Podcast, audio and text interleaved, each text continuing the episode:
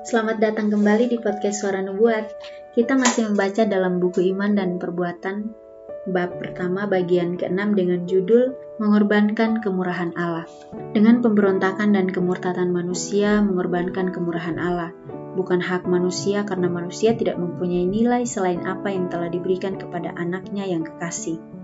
Hal ini harus dimengerti. Ia mengorbankan hak istimewanya di mana Allah dengan kemurahan telah memberikan anaknya sebagai pemberian cuma-cuma, harta yang berharga yang dimaksudkan untuk digunakan, meninggikan maksud dan kemuliaannya, dan keuntungan bagi makhluk yang telah ia ciptakan. Pada saat manusia menolak untuk mematuhi hukum kerajaan Allah, saat itu juga manusia kehilangan kesetiaannya terhadap pemerintahan Allah dan ia telah membuat dirinya tidak layak bagi semua berkat yang Allah akan berikan kepadanya. Ini adalah posisi manusia pada saat ia menceraikan dirinya dengan Allah oleh akibat dari pelanggarannya. Ia tidak lagi layak mendapatkan udara untuk bernapas, sinar matahari, atau elemen terkecil dari makanan. Dan alasan manusia tidak dibinasakan adalah karena Allah sangat mengasihinya sehingga ia mengaruniakan anak yang dikasihinya supaya ia menanggung akibat dari pelanggaran-pelanggaran manusia. Kristus telah mengajukan diri sebagai penjamin dan pengganti manusia bahwa seorang manusia melalui kemurahan yang tiada taranya memiliki pengalaman seperti Adam dan Hawa sebagai peringatan untuk tidak melanggar hukum Allah seperti yang mereka lakukan.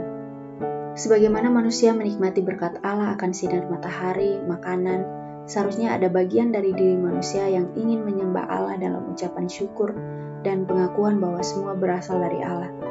Apa pun yang kita berikan kepadanya adalah mengembalikan apa yang Ia telah berikan kepada kita.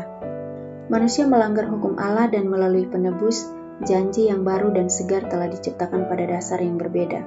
Semua berkat harus datang melalui seorang perantara.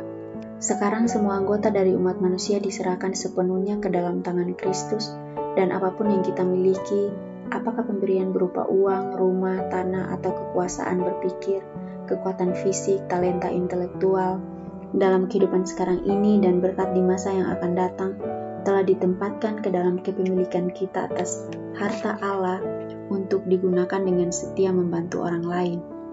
Setiap pemberian telah dimeteraikan dengan salib dan membawa citra dari Yesus Kristus. Semua hal datang dari Allah, mulai dari hal yang terkecil sampai dengan berkat yang terbesar. Semuanya mengalir kepada satu saluran pengantaraan seorang manusia sempurna yang ditandai dengan darah yang tak ternilai harganya, karena ini adalah hidup Allah di dalam anaknya. Sekarang tidak ada satu jiwa pun yang dapat memberikan sesuatu kepada Allah yang tidak merupakan miliknya. Renungkanlah hal ini, sebab daripada mula segala-galanya dan dari tanganmu sendirilah persembahan yang kami berikan kepadamu.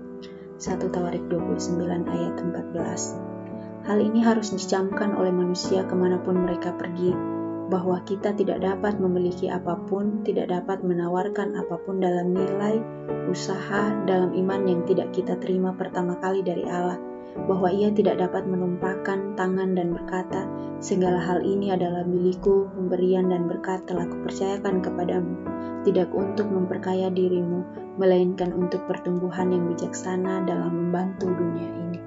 Terima kasih, Tuhan memberkati.